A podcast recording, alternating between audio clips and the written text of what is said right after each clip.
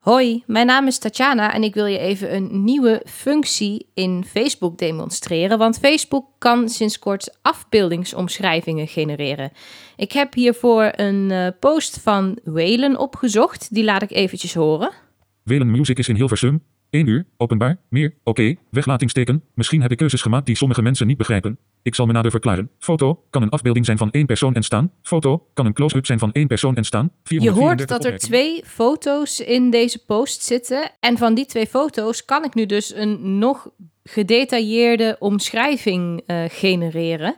Hiervoor veeg ik twee keer naar boven. Meer. Gedetailleerde afbeeldingsbeschrijvingen genereren. En daar tik ik dubbel op. Sluiten. Knop. Ik swipe van links naar rechts. Twee foto's. Dubbeltik op een afbeelding voor een gedetailleerde beschrijving. Dus als ik nu op een foto tik, krijg ik een nog gedetailleerdere omschrijving. Afbeelding 1 van 2 kan een afbeelding zijn van één persoon en staan. Knop.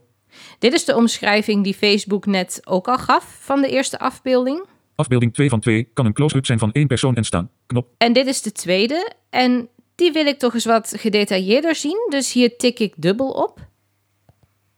Gedetailleerde beschrijving afbeelding. Koptekst. Kan een close-up zijn van één persoon en staan. Informatie over positie. Koptekst. En nu komen de details. Dus nu heb je de informatie over de positie op de foto.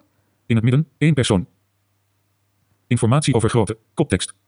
Primaire elementen, één persoon. Elementen per categorie. Koptekst. Type afbeelding, een close-up. Mensen, één persoon. Activiteiten, staan. Activiteiten, staan. En dit waren alle details. Dit is toch fantastisch om zo nog dieper op een foto in te zoomen met voiceover.